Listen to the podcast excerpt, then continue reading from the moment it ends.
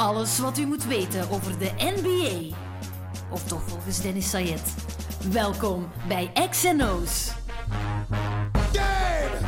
What you heard is what you hearing. What you hearing? It's what you hearing. Listen. It's what you hearing. Listen.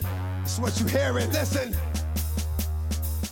Het is 1-1 in de NBA Finals en er is nog altijd geen XNO's podcast geweest. Dus hoog tijd om daar verandering in te brengen. En bij mij de eerste gast ooit, de OG van XNO's, Thomas van de Spiegel. Goeie, goeie avond. Dag Dennis. De finals 1-1 ver. Voor het eerst doen we het niet op televisie. Het is een beetje raar, hè, voor het eerst in zes jaar. Ehm, 1-1. Heb jij hetzelfde gevoel als mij? Ik kan meteen met de deur in huis vallen. De Raptors hebben een kans laten liggen in game 2. Ja, sowieso. Ehm, de Warriors waren echt niet goed. eh, zeker in het begin van de wedstrijd. En eh, ja, de, eh, je, je verwacht dat de Raptors toch op dat elan van Game 1, met heel die natie achter zich, zouden doorgaan. Maar dan zie je toch wel dat het feit dat je al in de finals gestaan hebt meer dan één keer, dat dat toch wel een beetje helpt. Dat je weet van wat je te doen staat, dat je nooit panikeert. En dan plaatsen ze die run. En dan, eh, en dan keert toch dat momentum. Het is hetzelfde altijd hè, ehm, met de Warriors. Ook al spelen ze slecht, ze zijn er altijd bij. Ik heb de hele tijd gedacht, hoe, kan het nu dat die vijf punten achter staan? Amper vijf punten, want ze waren echt niet goed. Ja, hè. maar dat is, met Warriors is dat eigenlijk al altijd het verhaal geweest. Hè. Als die, heel, die komen nooit heel veel achter. Als die heel slecht zijn, eh, komen die nooit heel erg veel achter. Of die wedstrijd is nooit helemaal verloren. En dan hebben ze echt altijd die run in huis. Eh, nu net voor rust, net na rust. Meestal net na rust. Ehm, Maar die was er ook hè, net na rust weer al. Hè. Ja, Eh, die cijfers, eerste, wacht, de eerste vijf en een halve minuut van het derde kwart. De Warriors 18 punten, de Raptors 0. Eh 8 op 12 voor de Warriors, 0 op 8 voor de Raptors en 2 op 4 van achter de driepuntlijn voor Golden State. Ja, en in totaal eh, meer dan, ik denk 22-0, hè, de- tussen voor de rust na de rust. Ehm, ik zag ook vandaag de, misschien wel de meest opvallende stad. Ehm, 22 gemaakte shots in de tweede helft, 22 assists. Ja. Ik, eh, ik heb nog nooit, denk ik, een team geweten waar, eh, waar er geen enkele one-on-one gescoord wordt. En waar elk shot een assist is in de tweede helft. Dat zou je niet hebben mocht Kevin Durant gespeeld hebben. Daar moeten we ook eh, even duidelijk over zijn. Maar je ziet dat ze onmiddellijk zich aanpassen aan het feit dat Durant er niet bij is, dat ze Thompson dan ook verliezen in de tweede helft, dus dat ze meer teambal gaan spelen. En dan zie je toch wel dat de, de echte kampioenen die komen dan toch wel terug boven. We gaan even de twee matchen ehm, apart erbij halen. Game 1, de Siakam game. Ja, Dat is wel kort door de bocht misschien, maar hoe, hoe geweldig was die? Ja, maar fenomenaal. Hij miste niks. Eh, ehm, dat is ook een speler die zich echt ongelooflijk ontwikkeld heeft de laatste twee seizoenen. Eh, die, die zoveel aan zijn arsenaal heeft toegevoegd, die, die veel meer kan, die niet alleen een goede atleet is. Hij heeft ook dat kort jumphoek, eh, dat iets verder jumphoek zelfs. Kan links, kan rechts. Nee, mooi om naar te kijken. Full energy ook altijd. Hè? Dat is zo'n gast die precies altijd 100% inzet heeft. Altijd. Ja, ik denk dat hij dat altijd heeft, ook in de regular season. Eh, hij wil er altijd staan. Eh, en als je dan natuurlijk Kawhi naast je hebt, ehm, ja, dat, dat maakt je spel natuurlijk net iets makkelijker en eh, het neemt heel veel gewicht van je schouders. Ehm, Want Kawhi was niet geweldig hè, in Game 1. Hij was niet slecht. Nee, nee, hij was, niet, hij was een van de... Allee, ik ga niet zeggen een van de mindere, maar zowel Gasol als Siakam waren, waren echt wel de uitblinkers. En het was niet Kawhi in, eh, in game one. Je zegt het al, eh Margasol, 20 punten. Als Margasol ook nog eens 20 punten scoort, dan is Toronto onverslaanbaar, is veel gezegd. Maar als Siakam zo'n bijdrage heeft en Gasol en dan Fred Van Vliet van de bank, want sinds die vader is geworden, ik weet niet wat daarmee gebeurd is, maar heeft een klik gemaakt en ineens is die on fire, dan is Toronto echt wel heel moeilijk te verslaan, zelfs voor een ploeg als Golden State. Ja, gewoon omdat ze heel diep zijn. Ze hebben heel veel opties. Eh, misschien om het nog even over Marc Gasol te hebben. Ehm, ik denk dat we dat toch wel aangehaald hebben toen die getrade werd in januari. Van, eh, dit kan echt wel de sleuteltrade zijn voor Mhm. Toronto om succesvol te zijn. En dan kijkt iedereen, zeker de, de, de, de modale fan kijkt dan een beetje raar. Maar als je weet wel- welke kleine dingen die allemaal doet en hoe die eigenlijk, eh, door wie hij is, hij is nooit een fantastische atleet geweest. Maar hij heeft elk jaar eh, stappen gezet. eh, Hij is een enorm intelligente speler. eh, leest het spel enorm. En ja, dat is, dat is een, een, een, gast die de glue kan zijn van het championship team. Omdat hij al die kleine dingen doet eh, die anderen niet doen of die anderen niet zien. En hij eh, niet alleen met zijn passing, eh, nu ook scoren, maar zeker defensief. Maar daarom was Game 2 zo teleurstellend, vond ik.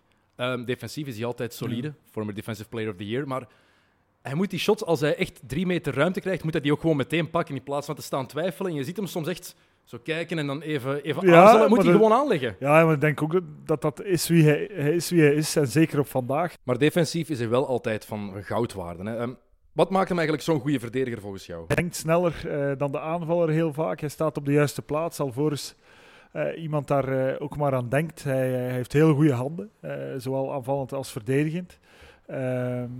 En heeft een goede timing. Hè. Eh, hij blokte heel wat shots en hij sprong net over de zondagskrant vroeger. Ehm, en dat komt gewoon omdat hij, omdat hij ja, is gewoon een stuk, een heel een stuk intelligenter dan de gemiddelde NBA-speler misschien wel. Hm, Ja, Draymond Green hetzelfde over Draymond Of Green. hij intelligenter is dan de gemiddelde Op, NBA-speler. als basketbalspeler. Ah. Als basketbalspeler. Hè.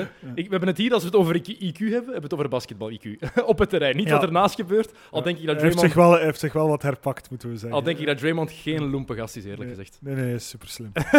Super slim. Maar Draymond Green is ook zo iemand, en daar kunnen, daar kunnen we eigenlijk kort over zijn, want het is al vanaf dat Kevin Durant is uitgevallen, dat hij speelt zoals hij nu speelt. En ik denk dat dit voor mij is dit de beste Draymond Green die ik ooit gezien heb. Hij scoort niet, zijn shot valt minder, maar Hij is in beter, zijn geheel, hij is beter dan de laatste twee finals. Eh, sowieso. In 2016 was hij inderdaad heel goed, maar toen hebben ze verloren, dus jammer, dat telt niet meer. Dan. ja, dus, ehm, maar nee, hij speelt. eh, ja, maar het is terug een stuk zijn team geworden. Hè. Ehm, Het gevoel heb ik ook, dat hij, de, hij veel meer nog de leider is dan Stephen Curry bijvoorbeeld. hij is de morele leider. Hij is niet de beste speler, maar hij is misschien wel Ja. de morele leider eh, van dat team. Zeker zonder Durant. Wat gebeurt er ook natuurlijk als je Durant hebt? Dan heeft Curry ook wel de behoefte van zich een stukje te gaan manifesteren. Want dat wordt van hem verwacht. En dan blijft er nog heel weinig ruimte over voor Green. En die ruimte is er nu terug. Eh, en dat doet hem wel deugd. En dan zie je hem wel opleven. En dan wordt hij ook eh, verbaal een stuk beter, minder controversieel. Ehm, hij brengt het nog altijd op een heel grappige eh, manier. Maar je voelt wel van, hij geniet daarvan. Van terug die centrale factor te zijn, of toch meer dan dat hij dat is eh, als Durant erbij is. Dus nu wordt het zaak te zien wat er gebeurt eh, de komende wedstrijden. Mm, Want eh, game 2 nog even. Ehm, we zeiden game 1, de Siakam game. Game 2, de Boogie Cousins game. Laat ons zeggen dat... Kort eh, door de bocht, maar hij was wel heel goed. Ja, ehm, onverwacht eigenlijk natuurlijk. Ik zeg altijd na een blessure, en zeker een van die duurtijd, is je eerste wedstrijd altijd je beste. Ehm, omdat je toch wel heel veel adrenaline hebt. Dus het was het Eh, omgekeerde bij hem. Het was, het was een tweede ja, match. maar oké, het was zijn eerste echte. De eerste wedstrijd. telt niet, Ja, oké. ja. Eh, het was zijn eerste echte waarin dat hij eh, zich manifesteerde. Ehm, maar nu zien we dat, of, hij, of hij dat kan volhouden natuurlijk. Ze, gaan, ze gaan hem sowieso nodig hebben. Eh, want van Bogut gaat het niet komen. Ehm, dus ze gaan hem sowieso nodig hebben de komende wedstrijden. Dus, eh, Zeker omdat Kevin Looney uit is gevallen. Ja, die heeft dus een, een sleutelbeenbreuk, las ik vandaag. Die val was echt vuil.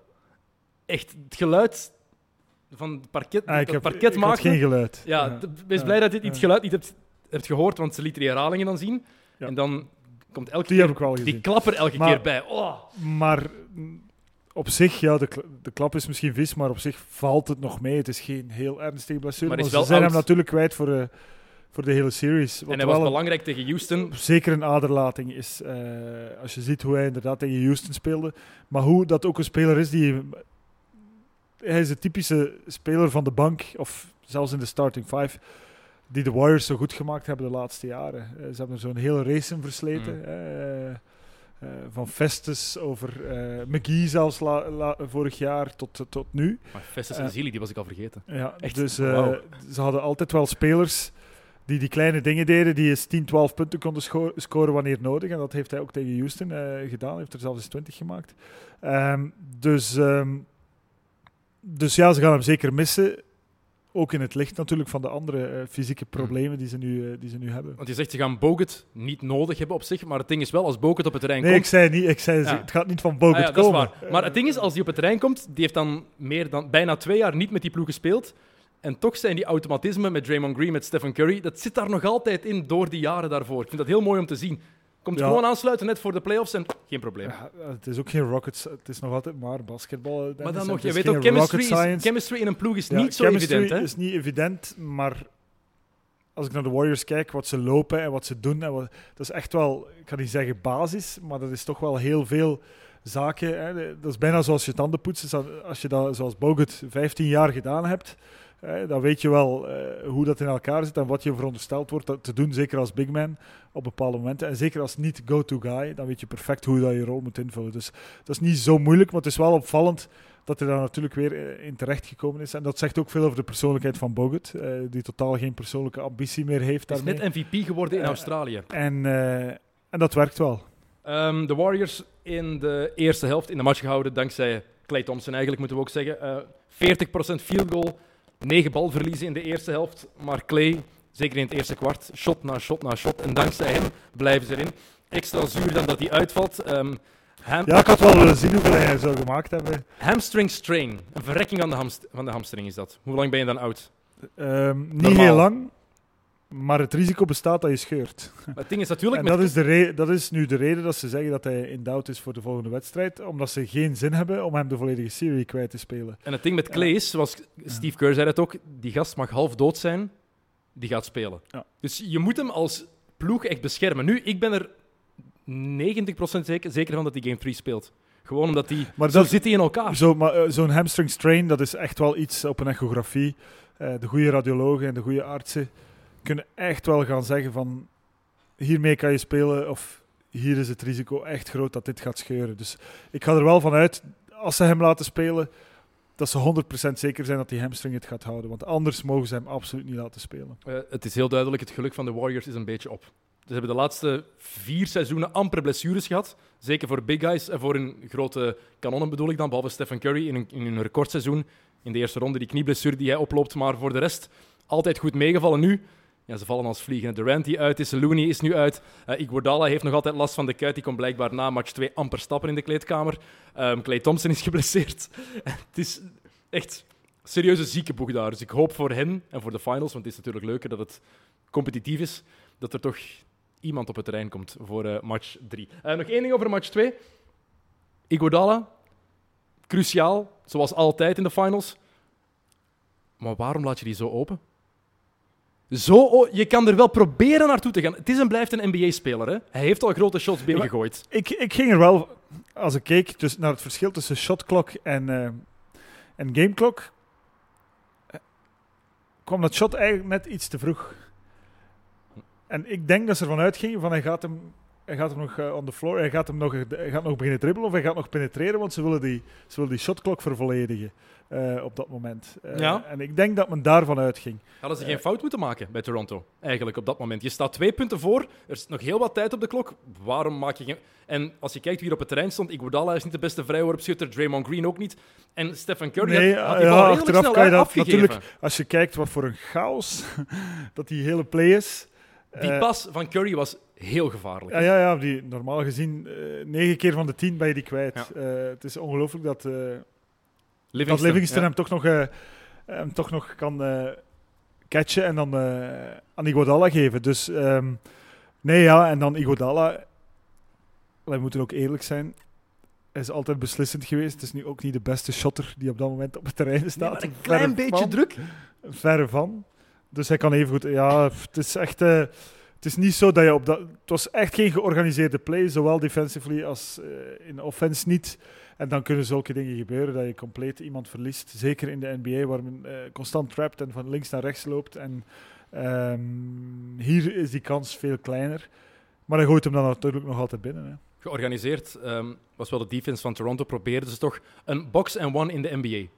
Ik heb het nog nooit eerder gezien. Ja, hier deden ze dat ook in de jaren 70. Maar, ja, dan, okay, toen, hier, en toen maar ik... in de NBA is dat nog Nee. nooit gebeurd, denk ik. En, en, Nick Nurse die dan dat probeert, heel veel, het is eigenlijk een heel groot teken van respect voor Stephen Curry.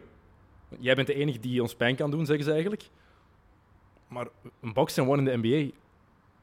Ja, het ding is, ik wil, Dat- ik wil, ik wil zelfs- automatisch zeggen, het werkt niet, maar Curry heeft niet meer gescoord, hè?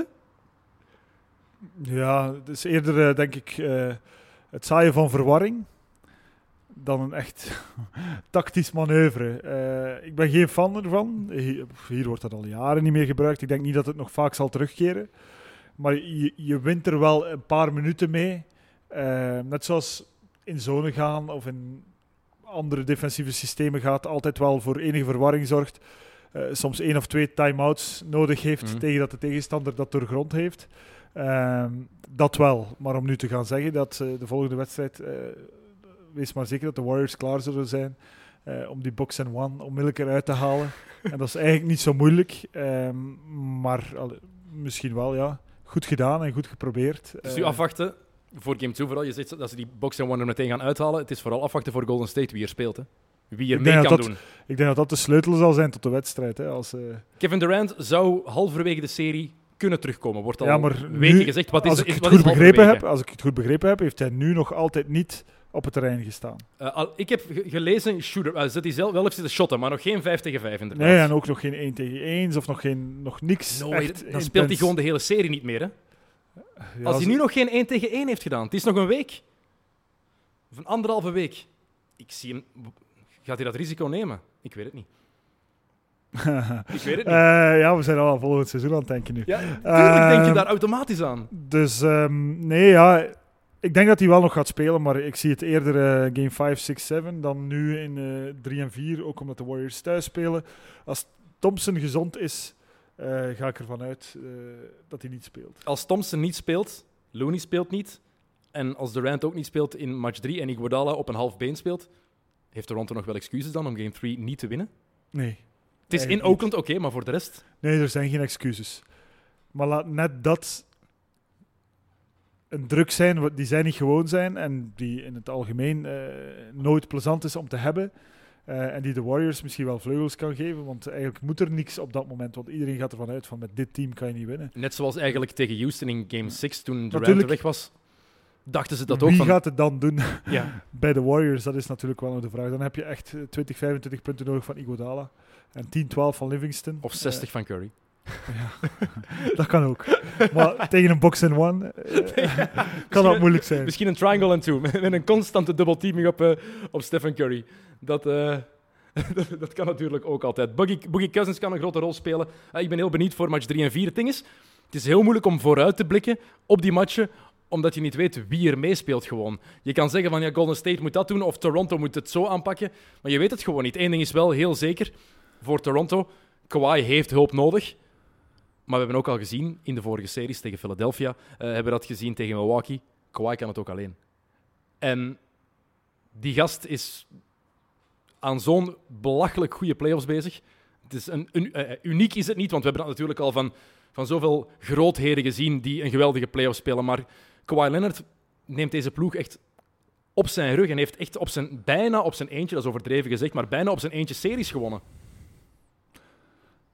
Ja, zeker. E- Eerste en tweede ronde, denk ik, was hij, was hij echt wel... Want op dat moment leefde in Toronto echt nog wel zo dat... eh, eh, Toronto choked eh, en, en Toronto kan het niet. En ze zijn nog nooit voorbij de eerste ronde geraakt. En dat leefde heel erg. En daar heeft, dat heeft hij wel op zijn eentje ontkracht. Daar is hij wel in geslaagd. Eh, natuurlijk, nu is het een heel ander verhaal. En nu krijgt hij wel steun. En nu zijn er wel andere spelers. Hè. Je zei zelfs Van Vliet, die natuurlijk wel al zijn tweede seizoen echt wel heel goed aan het spelen is. Maar wat hij nu doet, ja, er zijn een aantal spelers die nu wel geloven. Lowry is het niet, voor alle duidelijkheid. Maar eh, er zijn Lowry was wel goed tegen Milwaukee. Ja, nee, dat moeten we hem niet, we hebben hem al genoeg nee. afgebroken, maar Ja. tegen Milwaukee was hij wel goed. Maar ehm, ja, nee. eh het wordt nog heel interessant. Wat ik ook heel ook, ook eh, het is al laat op de dag. Wat ik ook heel interessant vond, was wel interessant of intrigerend, was het feit dat vandaag naar buiten kwam dat Kawhi Leonard Nike suit, Ja. omdat hij beweert het logo dat op zijn Nike kledij staat, dat hij dat ontworpen heeft en dat ze hem niet gevraagd hebben om dat te gebruiken. Tijdens de finals. Waar ben je dan in godsnaam? Maar er is, als er één speler is waar, waarvan dat, dat niet verbaast, is het toch wel van Kawhi Leonard. Die totaal geen boodschap heeft aan. eh, Dat hij geen druk voelt ook. Ja. Die speelt maar, die speelt gewoon en die is comfortabel met, met alles. Ah, zo lijkt het toch, hè? of ja, of gewoon. Of hij ja, trekt zich gewoon niks different. Hij is gewoon anders. Het is zo raar. Ja, het is maar, Ik ja, zag de persconferentie ook na de vorige wedstrijd. maar al zijn antwoorden zijn heel deze playoffs al geweldig. Eh, Iemand vroeg hem een paar rondes geleden. ehm, het was gelijk, denk ik. Het was na match 4, denk ik dat ze teruggingen naar Toronto voor match 5 of voor match 3, doet er al niet toe. En Kawhi, what's up next? Now we're going back to Toronto for game 5. En dat was het antwoord. En het is helemaal gelijk, maar zo droog en ook klaar. Ja, de vorige wedstrijd vroegen ze van. eh, eh, moet je de bal niet uit de handen van Golden State proberen houden op het einde? Eh, ja, wij zouden liever de bal zelf hebben. Ja.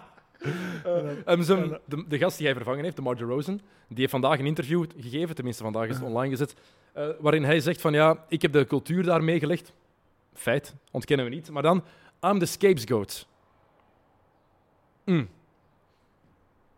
Ik vind dat... Ik vind niet dat de Mar de Rosen nu moet... Het is een vraag natuurlijk die hem gesteld wordt ook, maar... Ja, eh, pijnlijk ergens dat hij dat nu nog moet zeggen. En ik snap dat het pijn doet voor hem, maar we moeten daar gewoon eerlijk over zijn. Ik, en hij zou het zelf ook wel weten, denk ik. Zonder hem waren ze nooit zo ver geraakt. Eh, Met Nee. hem waren ze nooit zo ver geraakt, zonder nee, Kawhi. maar dat weet hij ook wel. Eh, maar het is, ik denk dat we nu een jaar verder zijn bijna. En oké, ik denk niet dat die trade zo controversieel was of zo ter discussie stond dat we nu plots moeten gaan zeggen van... eh, In Toronto wel, hè? Eerst wel in Toronto, want ze hebben daar een van hun eigen mannen gewoon laten vallen. Maar ze hebben er Kawhi Leonard en Danny Green voor teruggekregen. Want die laatste niet vergeten, Ja. ook finals ervaring, goede verdediger. En als hij een shot binnengooit, dan is hij echt van goud waard. Ik Ja. vind Danny Green echt een steal eigenlijk van Masai Ujiri, dat hij hiermee is, gekomen. Ehm, nog één ding over deze finals. Een gast die we de komende twee matchen gelukkig minder gaan zien. Trouwens, in game 2 hebben we hem ook al minder gezien. Sowieso dat de NBA dat gezegd heeft aan ABC. Breng hem minder in beeld. Aubrey. Drake. Eh, Zie het erbij, Aubrey. dat was fantastisch van Clay. En eh, Durant even over en weer. Maar ja, wat is, wat was jouw, gewoon jouw, ik wil jouw mening weten. Wat vind jij van de antics van Drake aan de zijlijn? Ehm, tot op zekere hoogte vind ik hem fantastisch. Maar nu dat Toronto het goed doet, eh, zo'n zo'n gast is fantastisch voor een team dat een underdog is. Hè, en hij, hij heeft Toronto ook een stukje gemaakt tot wie ze zijn. Ambassadeur, ja. Er leeft een fantastische fancultuur ook in Toronto, dat moeten we eerlijk toegeven. Dat is een zeer multiculturele stad. ehm, waarbij eh, iedereen naar basketbal gaat, waarbij er een zeer positieve sfeer heerst onder eh, alle sportfans. Die Jurassic Parks, er zijn Ja. er verschillende. Hè. Er is er niet alleen eentje aan het stadion. Er zijn echt verschillende fanvillages, zoals wij tijdens het WK eigenlijk Ja, hadden. je ziet ook die, eh, dat cross-fandom tussen eh, de Blue Jays en de Maple Leafs en, en, en de, de Mm. Raptors. En dat leeft heel erg. Ehm, dus dat is mooi om te zien. En Drake heeft dat een stuk meegemaakt. Eh, maar hij mag ook niet overdrijven. En als ik hem dan zie op de rug springen van Nick Nurse tijdens de wedstrijd, dan denk ik van, dit kan toch gewoon niet. Dat, hij, dat hij echt de coach begint te huggen en begint op te leunen en back schouders en- masseren, ja. En dan denk ik van, oké, nu ben je toch wel even te ver aan het gaan. Eh, ik moet ook wel zeggen, eh, de Del Curry jersey, eh, als je het verhaal daarachter hoort, dat is fantastisch. dat hè. was cool. Ja, dat is cool, maar daar heeft een heel team wel dagen naar gezocht om, om er zo eentje te vinden, want dat was heel moeilijk vindbaar. Heeft hem heel veel geld voor betaald. Tja. Dus het is, wel, het is wel allemaal leuk, maar je moet wel nog altijd je plaats kennen en je bent nog altijd een fan en je- jij bent niet de franchise. En soms nu is het, ik begrijp wel dat de NBA nu even zegt van Drake, Mhm. ch- chill out, eh, houd je even in, je, je hebt dat goed gedaan, maar eh laat nu even Green? het spelletje primeren. Draymond Green die heeft gezegd dat hij vindt dat Drake dat verdiend heeft. Hè, dat hij dat mag doen, dat hij zijn, zijn streep verdiend heeft met zijn, met zijn werk als, als artiest, als rapper. Dat hij dat daarom mag doen en daarom mag je meer dan andere mensen. Want ik vind het hele ehm, Del Curry verhaal, want dat is het, het shirt aan van de vader van Stephen Curry, gesigneerd shirt, toen die nog in Toronto speelde. Want Del Curry destijds in Toronto gespeeld met Vince Carter in de ploeg. Het ding is, hij droeg ook een, een zweetbandje net boven zijn elleboog. Ja, voor die tattoos. Want hij heeft een tatoeage inderdaad met de nummers en de naam van Stephen Curry en Kevin Durant op. Dat is lame dan. Sorry, dat je dan zo'n zielig bandje draagt. Eén, je speelt wel, niet... het was wel een Nike-bandje. ja, maar je dus- speelt niet mee, dus draag geen zweetband. Dat vind ik echt zo belachelijk. Be- bedenk iets anders, maar als je het laat zetten, verberg het dan niet, Maar hè? ik denk dat er misschien een Nike-deal achter zat. No way. Dat is gewoon puur gewoon het ego niet willen toegeven van ja, ik heb eigenlijk supporter ik voor die mannen. En dan in, in game 2, het ging dat wat minder. Eén, we hebben hem niet gezien omdat de regie hem ook minder in beeld heeft genomen. Maar ook als hij in beeld kwam, is dat de hele tijd braaf in zijn stoeltje. Als je kan supporteren als het goed gaat, moet je ook maar- achter je ploeg staan als het, Ja, als het slecht gaat. is hij wel tot de orde... Want het was vooral na Game 1, dus misschien is hij wel een stukje tot de orde geroepen. Maar denk je dat maar de winnaar, de winnaar van Game 2 is toch Clay Thompson, die hem...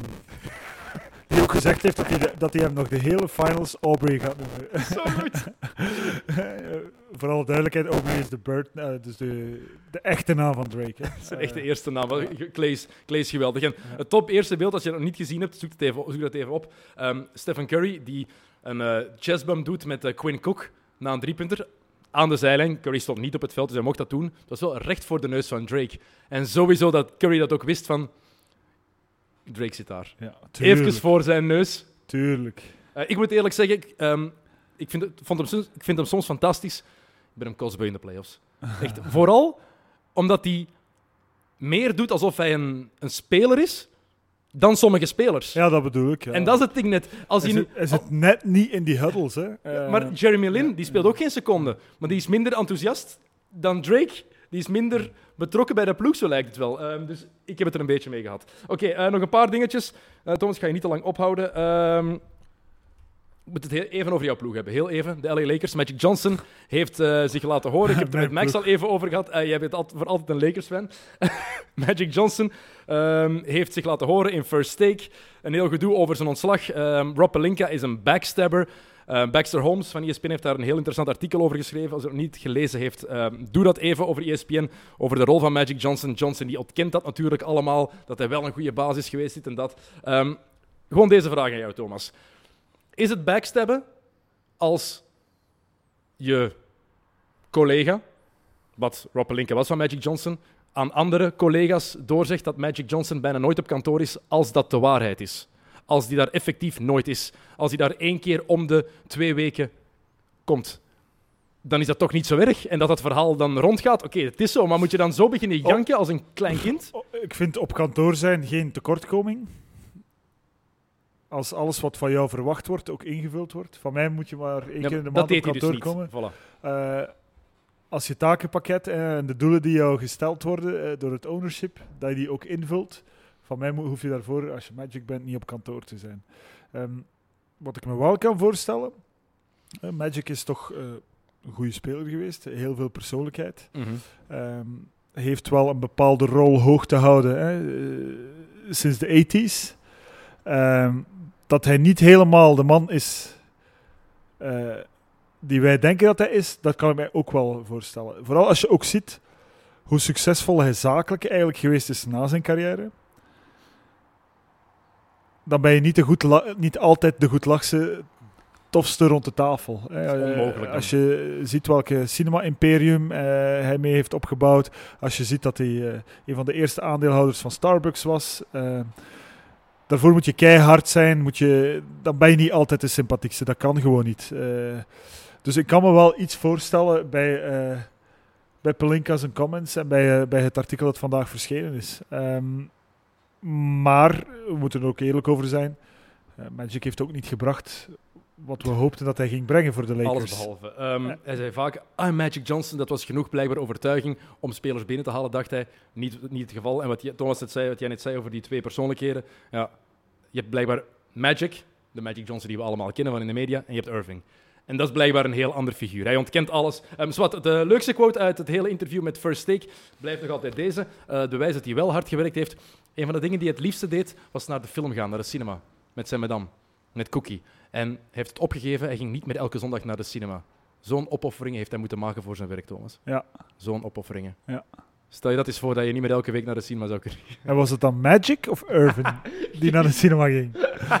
Moet je aan Cookie vragen. Co- Cookie zou trouwens ook haar echte naam zijn? Denk het, ja. Waarom noem je, Dat kan. waarom noem je je kind Cookie? Echt. Ja. In, de, in de States kan dat. In de States, in de States kan alles. Ehm, de draft komt er binnenkort ook aan. De kaarten zijn geschud voor de draft lottery. Nummer 1 pick. Niet voor de Knicks. Sorry, ik moet er een beetje mee lachen. Het is echt leedvermaak aan het worden met de Knicks. Ik heb zoveel medelijden met die mensen dat het echt grappig begint te worden met de Knicks-supporters. Ze kunnen Maar het is al tien jaar grappig. langer, Ja. 20, Ja. sinds James Dolan heeft overgepakt in 1999. Ik ben fan van Dolan. Ja, tuurlijk. Die vindt het belangrijker om met zijn amateur bluesbandje op te treden dan deftig voor zijn ploeg te zorgen. Zwat, eh, dus eh, de Lakers, die trouwens goed eh chance hebben gehad en de vierde pick hebben. Nummer 2 Memphis en nummer 1 New Orleans. Ehm, die gaan voor Zion Williamson gaan. Ehm, maar Anthony Davis die wil daar weg. Heeft hij al gezegd vorig jaar, zelfs in de pers openlijk gezegd, mijn tijd hier zit erop. David Griffin wil hem nu overtuigen om toch te blijven, want met Zion Williamson erbij en Drew Holiday en als Davis daar ook bij is, heb je wel een leuk trio, denk ik. En ik denk trouwens ook dat Zion en Anthony Davis perfect samenpassen. Williamson heeft geen shot, Anthony Davis heeft alles. Dus die kan je overal zetten. Als jij Anthony Davis bent en je weet, er komt zo iemand aan die echt misschien wel een, een talent kan zijn dat maar, dat maar één keer om de tien jaar voorkomt. Het kan, ik weet niet of het zo is, maar puur atletisch is het alvast zo. Wat doe jij? Je hebt openlijk al gezegd dat je weg wil. Je hebt nog één jaar contract, hè? je bent nog altijd de baas. Hè, Je hebt gezegd dat je weg wil en je kan de opties bekijken. Maar jij maakt nog altijd die call. Dus dan denk ik dat je een, wit blad papier moet nemen. En dan moet je naar je opties kijken. En dan moet je kolommetjes maken en plusjes en minnetjes zetten. En ik denk dat er heel weinig eh, franchises zijn die gaan opkunnen tegen het potentiële succes dat je kan hebben aan de zijde van Williamson. Maar dat is een afweging die hij moet maken. Nu, Eh, hij heeft zelf, je zegt hij, Hij, hij gaat sowieso, in mijn ogen, hè, de komende vijf jaar nog altijd beter zijn dan Williamson. Dus daar moet hij zich geen zorgen over maken. Ehm, maar de fans gaan hem niet meer echt aanvaarden, denk ik. Dat wordt heel moeilijk. Als je zegt dat je weg wil uit een stad, mensen zijn rancuneus. Dat is, dat is ja, gewoon daar Natuurlijk, dat kan Daar moet snel je geen rekening. Maar- dat, dat duurt tot je eerste drie goede Hij wedstrijden. bepaalt het natuurlijk niet helemaal zelf, hè? want hij heeft nog een jaar contract. Dus David Griffin kan ook zeggen, ik wacht tot februari, tot aan de trade deadline. Dan, dan zie ik wel wat er van aanbod is. Dat is ook een optie. Ik denk dat dat niet slim is, want de, de, de- Je moet de speler daar ook niet houden. Hè. Je hebt het al eens gedaan. Eh, volledig tegen zijn gedacht. Maar ik denk dat Davis wel... Het is een hele moeilijke. Maar ik denk dat je vooral naar de opties moet kijken die je krijgt. Eh, je moet niet naar New York gaan. als Eh, KD er naartoe gaat en Kevin Behalve Walker... als KD er naartoe gaat. Maar eh, nee, het wordt een, ik denk dat het gewoon afwegen wordt van wat de opties zijn en dan beslissen. Maar ik zou er niet meer in zitten om te blijven en te, een fan hè, die, die, die, die draait bij als je presteert. Gaat Frans Blijenberg gedraft worden?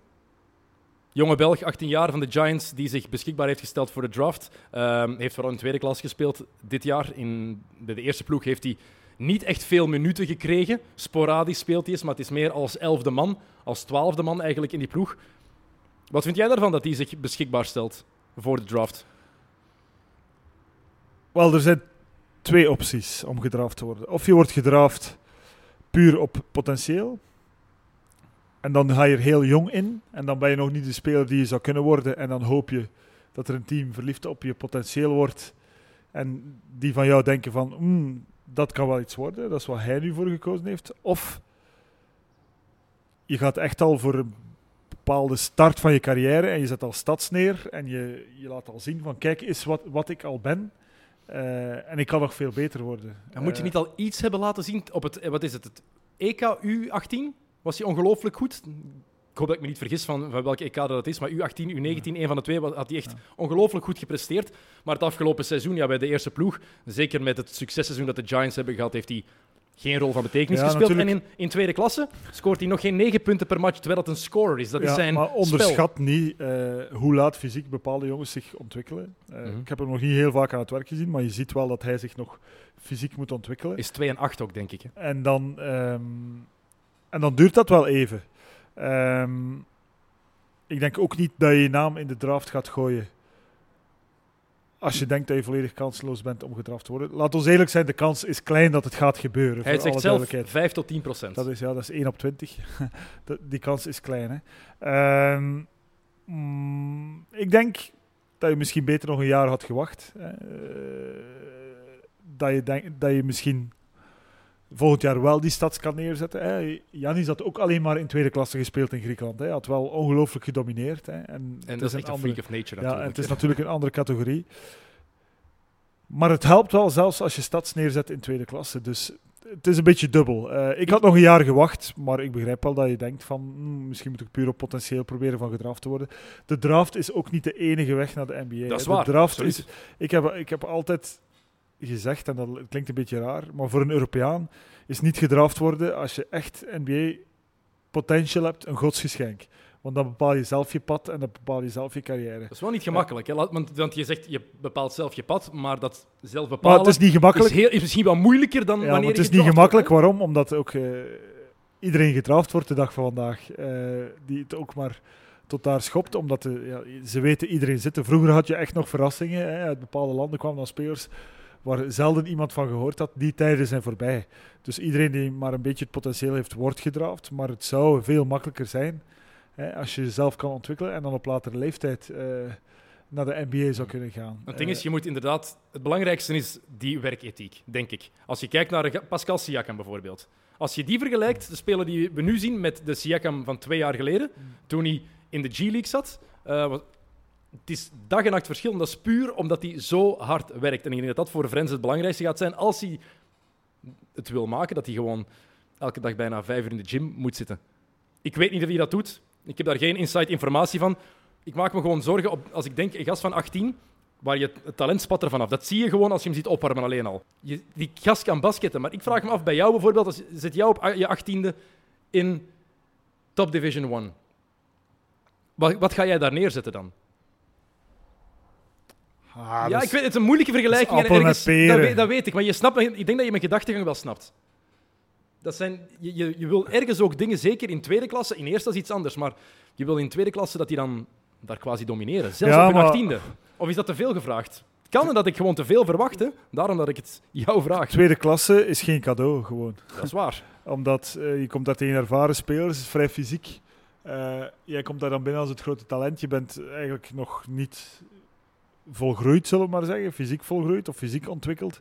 En dan kom je daar tegen mannen die denken van we gaan die jonge snuiter hier eens eh, een lesje leren. Het was met Tim, Dat is Lam, geen cadeau. was met Tim Lambrecht toch ook zo? En die was wel echt dominant zelf. Dus daarom... Dat, dat- probeer Ja, ook in, probeer een, zo ook die in een andere, ja, dat is ook in een andere setting. Hè. Daar, Mhm. eh, Tim Lambrecht zat in een team dat eh, puur gemaakt Ja. is om in tweede klasse talenten groot te maken. Hè. Dat is een beetje het Partizan Belgrado van de Belgische tweede klasse. Ehm, dus ja, dat is een andere situatie. Ik zou, ik zou nu nog niet... Ik zou mijn kritiek sparen, want er zit heel veel potentieel in. Ik heb Eh, vragen, dat, daarom ja. vraag ik het jou. Jij, kan- jij kan dat beter ik, inschatten ik, dan ik. Daarom dat ik, ik het geef jou mensen vraag. graag tijd. Ik geef Tim Lambrecht ook nog altijd tijd. Hij heeft de laatste maanden een paar stappen gezet. Ehm, Het belangrijkste voor die gasten is gewoon, Thomas, ik denk dat we daar allebei over eens zijn, ze moeten spelen. Ja, op maar ze moeten spelen niveau. in de juiste setting. En, Ja. en ook, ja, eigenlijk moet Frans volgend jaar in Antwerpen gewoon 15 minuten per match krijgen in de reguliere 20 minuten, competitie, ja, minstens. 20 minuten per wedstrijd spelen. Het belangrijkste voor zo'n jonge gasten, dat hebben we altijd tegen elkaar gezegd, is dat ze fouten moeten kunnen maken en moeten mogen maken. Ja. Eh, heel En simpel. als er één coach was die daar een meester in was, was het wel van Kers. die, zei, die startte altijd, en ik heb dat bij Gerja ook wel al gezien nu, eh, op Belgisch niveau.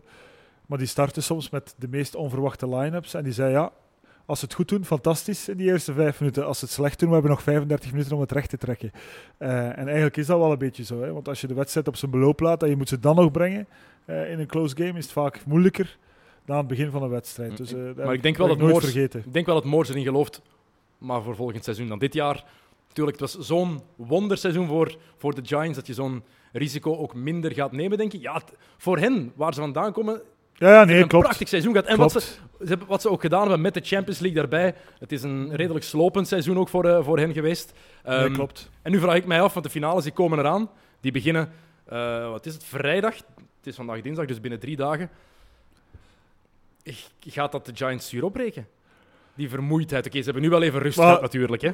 Ik denk niet dat het alleen met de vermoeidheid te maken heeft. Ik denk ook dat het Oostende van nu, gewoon door die, die twee toevoegingen die ze gedaan hebben met Angola en met eh Siobhan Thompson, ja, dat dat gewoon een beter Oostende is dan dat van eh, de bekerfinale. En van, eh, hebben Thompson toch wel een, een big guy zoals we in België niet elke week in zien passeren. Die En, ja. toch wel een, heel groot is gewoon. Hè. Heel veel shots daarom niet blokt, maar toch wel eh, verstoort. En die Offensief ook, en- en heel die sterk, wel. En, en die wel een aantal moves, go-to moves heeft. Ehm, Is er iemand bij de Giants van de big guys die hem kan tegenhouden? Want ze hebben daar de andere Thompson, ze hebben Bako, maar ze heb, hebben Kingsley. ik heb Thompson één keer tegen Baco gezien en toen eh, wist Baco niet wat er gebeurde. Ehm, Ik denk dat hij nu daar ondertussen wel al meer zal voor klaar zijn. Kingsley is ondertussen terug. Mhm. Maar het is wel een optie die Oostende niet had een paar maanden geleden. Eh we moeten ook niet vergeten, Oostende is ook met die vorige hè, line-up twee keer gaan winnen op de Giants. Dus eh, ik verklaar ze, iedereen verwacht nu van de Giants, oh, die gaan ook nog eens kampioen spelen. Eh, Ik denk dat het Ik een ben hele harde helemaal- serie wordt. Een hele harde ja, serie. Ik denk dat het sowieso close games gaan worden. Daarom weet je niet of het vijf wedstrijden worden. Laat ons hopen van wel. Daar hebben we echt eens nood aan terug. Ehm, maar, eh, maar ik moet Oostende wel, ik ga niet zeggen het voordeel van de twijfel geven, maar het is minstens 50-50 in elk geval. Ik ben heel, heel benieuwd. Ik hoop inderdaad vooral dat we vijf matchen gaan krijgen. Ik ben heel benieuwd ook naar de, de matchups die er gaan ontstaan tussen de spelers. Ik vraag me af wie gaat er Paris Lee verdedigen bijvoorbeeld. Want we hebben het over Thompson. Van Thompson wordt heel moeilijk tegen te houden. Paris Lee, ik zie bij Oostende, Lassisi is daar een optie voor. Maar ze hebben weinig jongens die hem echt kunnen in, in, in, eh, in bedwang houden, denk ik. Je, kan je daar onmogelijk op zetten. TJ Williams, dezelfde formaat, dezelfde snelheid. Maar ik vind Williams niet zo'n goede verdediger. Mm. Dus daar, ik, heb, ik heb daar echt heel veel vragen bij. Die match, in een playoff-serie is het heel simpel. Matchups zijn het allerbelangrijkste. Dat is het enige wat telt eigenlijk. Hoe je daarvan kan profiteren. En deze ploegen kennen elkaar door en door. En ze gaan elkaar nog beter leren kennen, die eerste matchen zeker. Ik ben heel benieuwd hoe Gerja en Moors zich gaan aanpassen na die eerste of tweede match. Dat zal cruciaal zijn voor die, voor die serie. Pronostiek? Wie wordt het? Ik ga niet protestikeren. Nee, want als jij Oostende Eh, zegt, dan is het toch... Ja, ja. ex-Oostende. Maar ik, allee, ik hoop op vijf wedstrijden. En een vijfde wedstrijd is altijd... Kan, kan beide kanten uit. Eh, ik hoop wel dat het echt zo play-off warm, zwoel weer wordt. Hè. De- de- Volle daar, zalen. Daar kikte ik ook altijd op eh, als speler. Hè. Dan wordt het plots zomer. Dan worden die zalen eigenlijk veel te warm. Dan komt iedereen in korte broek en een t-shirt plots naar de wedstrijden. Dan staat iedereen gewoon iets heviger. eh, is de sfeer beter. Eh, en dat zijn de wedstrijden waar je als speler toch naartoe leeft. Dus eh laat ons hopen op volle zalen en ook op veel enthousiasme. Maar dat is heel belangrijk, want Want in de halve finales was dat niet het geval. Dat die Maar zalen iedereen vol ging er weer zaten. van uit. En dat is een beetje jammer. Hè. Iedereen ging, eh, de finale die we hebben is eigenlijk de finale die iedereen verwachtte. Eh, en zonder al te veel strubbelingen is dat ook gelukt. Mhm. De Giants even met Brussels in die eerste wedstrijd. eh, waar Brussels toch wel een goede wedstrijd speelde. Ehm, maar eh, ja, laat ons hopen dat, dat dit nu wel een titanenstrijd wordt. die ook gewoon overal opgepikt wordt en waar iedereen naartoe gaat. Dus bij deze een oproep. ehm, ga naar Antwerpen voor match 1 en 3 en ga naar Oostende voor match 2. We zeggen die match omdat die al zeker zijn. Match 4 en 5 dat kan je nog niet weten. Maar ga naar de Versluisdom en naar de Lotto, Lotto Arena. Maar goed uitgesproken, de Lotto Arena. Ehm, het is gewoon nodig. Ik wil daar echt ik wil een volledig volle Lotto Arena en een Maar ik denk dat we ook gewoon twee echt goede teams hebben. Ook al, Eh, ook al. Ehm, en het is een paar jaar geleden, hè, want uiteindelijk de dominantie van Oostende de voorbije jaren deed geen deugd eh, aan het product basketbal in België. Dus eh, we moeten gewoon blij zijn dat we echt twee topteams hebben die hopelijk aan elkaar zullen gewaagd zijn. Het zijn twee goede ploegen, twee goede coaches en vooral ook twee ploegen die van zichzelf verwachten dat ze gaan winnen. En dat is Ja. altijd positief. Als je zo twee, twee ploegen hebt met zo'n ingesteldheid, dan weet je, oké, we kunnen wel eens vuurwerk krijgen. Ja, laat ons hoop- hopen. Oké, wel één pronostiek. Wie wordt NBA-kampioen? De Warriors. De Warriors. In hoeveel? Eh, in... Zes. Oké, dat was ook mijn pronostiek, dus eh, mooi. Goed, Thomas, merci om tijd te maken. In jouw zo drukke schema. Eh, ik bedank u voor het kijken. Voor het kijken. Voor het luisteren natuurlijk, dames en heren. Je komt zo graag op Ja, tv. jongen, echt waar. Jij komt echt zo graag op tv, hè? Ah, ik kom zo graag op tv. Eh, eh, de finales in het Belgisch basket beginnen vrijdag op PlaySports en op Proximus TV. Voilà. Tot dan.